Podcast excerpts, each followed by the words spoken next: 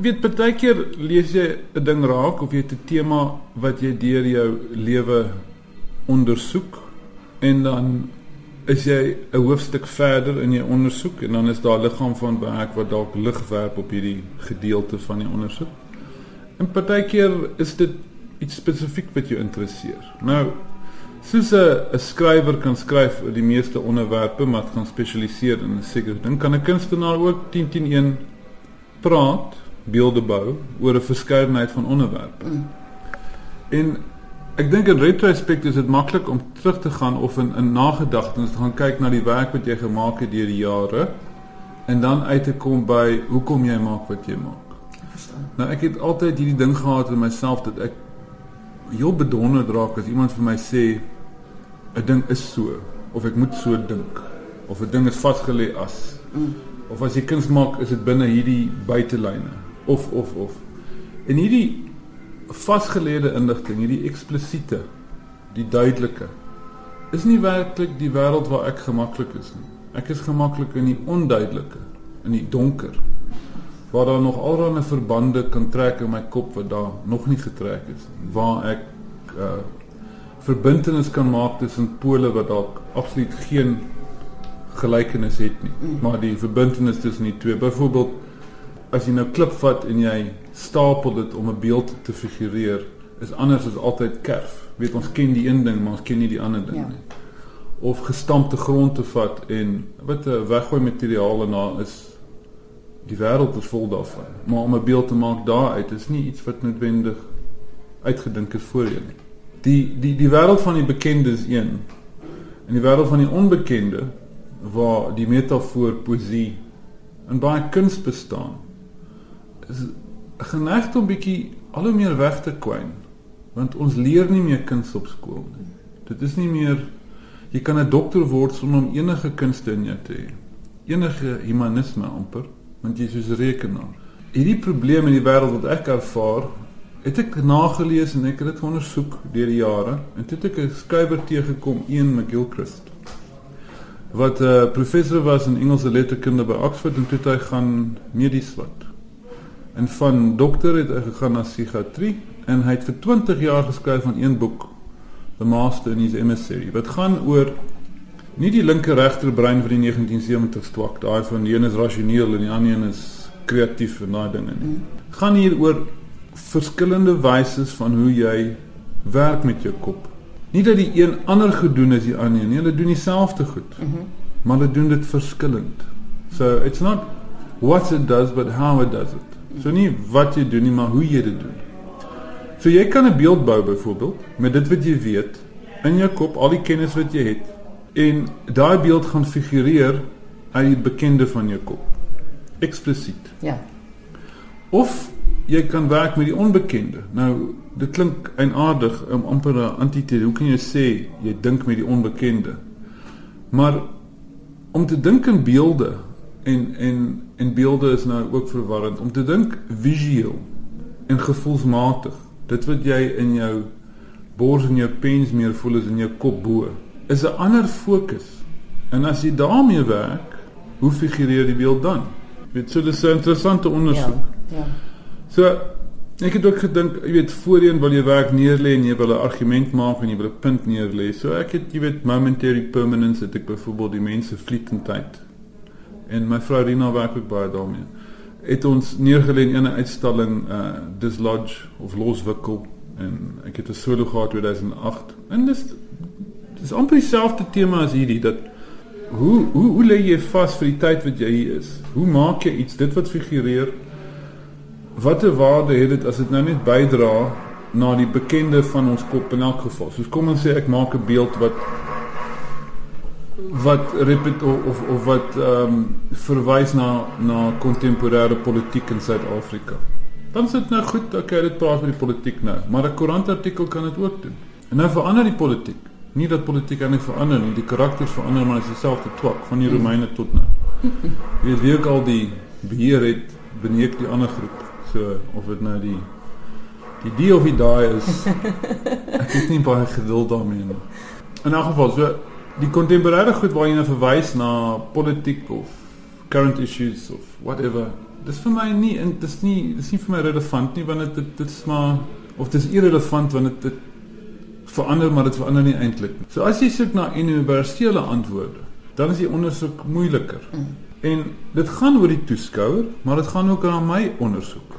So ek het gekyk met hierdie uitstalling, hoe figureer 'n beeld as ek werk met die bekende in my kop? In reference daar is die twee tokelos engeltjies wat ek hulle noem, die gatekeepers. En hoe werk dit as ek werk met die of hoe figureer die beeld as ek werk met die onbekende in my kop? En die laaste verwysing daar is die horisontale komposisie in die in die derde kamer van Everard Reed wat 'n 'n vlekvrye staal gietstuk is wat toegepak is met natuurlike klip. Nou alhoewel dit amper geometries en simplisties is, is nog steeds 'n liggaamlike gevoel van die bubbel of die borrel wat uit die hoek uitkom het 'n uh, het vir my 'n 'n 'n 'n wisselgevoel, 'n liggaamlike gevoel. Hmm. In 'n geval, so dit was my ondersoek kamer na kamer. So in die eerste kamer het ek die die uh gatekeepers van die bekende. Die tweede kamer het ek sewe figure van vroue wat my beïnvloed het op een of ander wyse. So dis 'n klein monumente, een is aan my ma, een is aan my vrou, maar ek noem dit nie 'n beeld van my ma, beeld van my vrou nie, dis 'n portret van Anstyler, 'n portret van Rena Stutzer want primêr is hulle hulle. Ja. Dis nie eiendom nie. En ehm um, vertel net gou vir die luisteraars wie is die ander 5? Die ander 5 is Bongi Mkabela. Elizabeth Mokka, Ankie Krog, Margaret Gradwell en Diane Victor. So Diane was ek, ek kon nie glo dit oor sy gee vir my klas op universiteit nie. Ek was mal oor haar werk. Hmm. En ek dink sy was die of een van die beste dosente wat ek ooit gehad het. Margaret Gradwell was die hoof van ons departement, sy het my baie gehelp deur die jare net met rigting en dinge. Ehm um, Antjie Krog se digbundel Januarie Suites. Ek het nie geweet nie, maar sy het blykbaar geskryf toe sy 17 was. Ja. Ongelooflik. En ek het dit gelees omtrent toe ek 15 was. En dit was die eerste Afrikaanse digkuns wat nie die propaganda van die dag ingesluit het nie. Want ons het maar baie weet in vereniging was ek geskool in Afrikaanse skool en um, ek het nou nie heeltemal daaraan gepas nie. So dit is my bietjie moeilik, maar Ek dink vir almal in die TOD stelsel in die 80s met PW en al daai twak, jy weet, sit dit af, sit dit af en selfs die straf. Ons is almal deur dit, maar ek het haar gedigte gelees en ek het ek het dit so geniet. Dit was vir my soos 'n uh, kontemporêre musikant soos Tom Waits se digkuns. Jy weet, dit was die verbeelding geprikkel. En dit was bietjie af. Dit was bietjie eroties en dit was bietjie stout en dit was bietjie teen die bedeling en dit was 'n uh, Die het 'n vrou geskryf met individualisties, nou was geen chauvinisme in nie. Dit was net dit was verfrissend. Ja. ja. En dit my ek so dankbaar vir daai klein digbundel. Interessant die boekie wat ek gekry het is is um iemand het dit vir iemand gegee in 1973, toe ek 3 jaar oud. Toe het iemand vir iemand het anders die boekie so aangepas. Toe in 78, toe in 82, toe in somewhere in the 80s, 87, my ma het gekry. En sy het nou vir my gegee. En toe ek Antjie se beeld gescan het, het sy dit vir my geteken. Maar die boekie is nie die bladsy is al vergeel en maar in elk geval, dit is Antjie Krog. En ja, so dis net hierdie sewe vroue en ek ken hulle almal behalwe van Antjie, dit ek ken nie daai gedigte. En dis ook 'n uh, alter, uh, alternatiewe benadering tot die maak van 'n beeld van 'n vrou.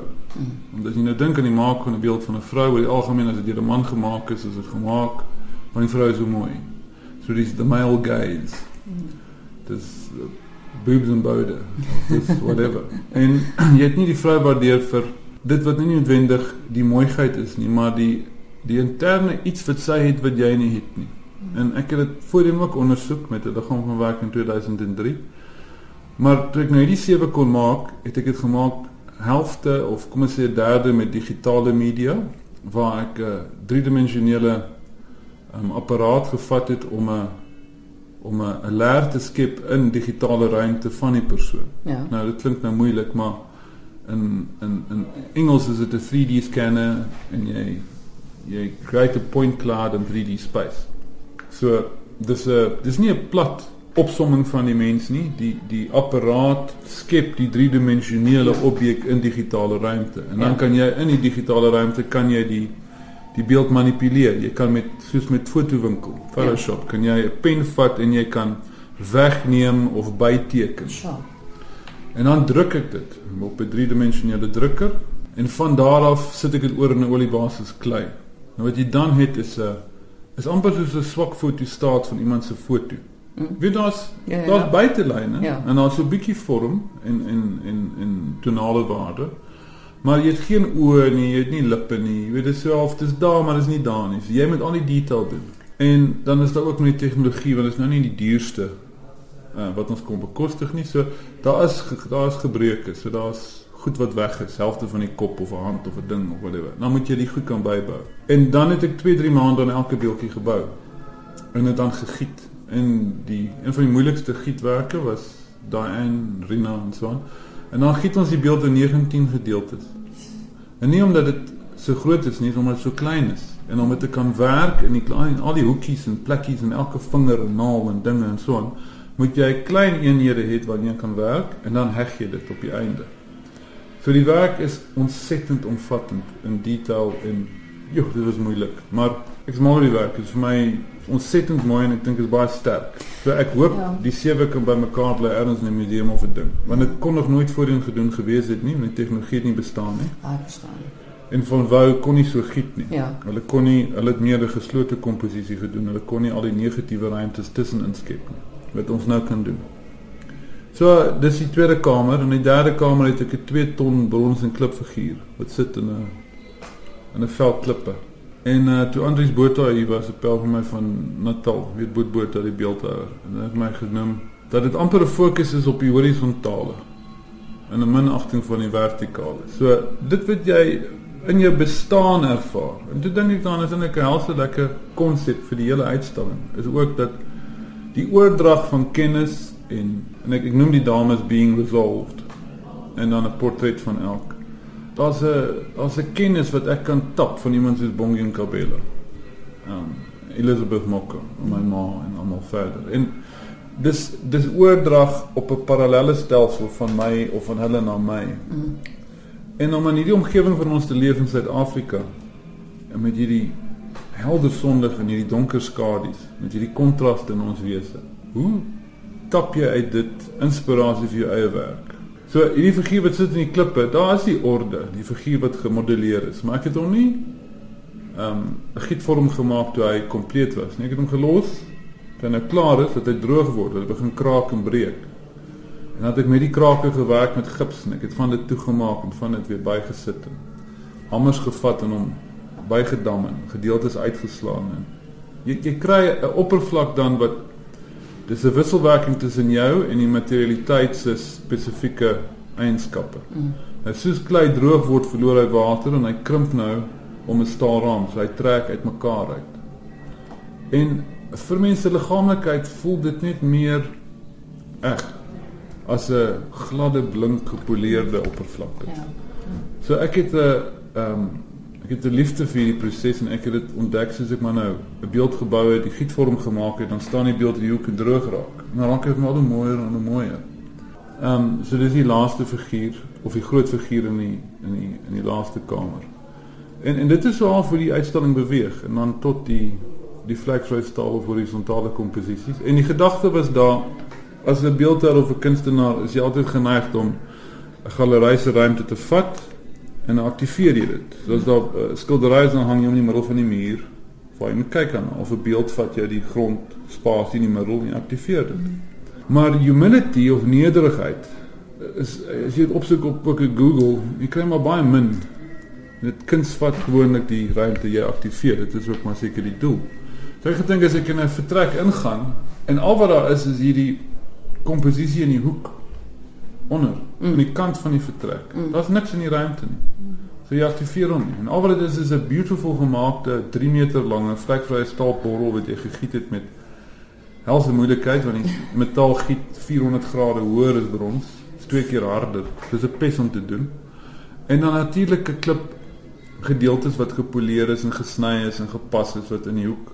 En ek gedink dit gaan interessante vir my ook as 'n ondersoek Mm. gaan dit interessant wees om te sien hoe aktiveer dit die ruimte in plaas daarvan om central stage te vat. Ja. So te sê.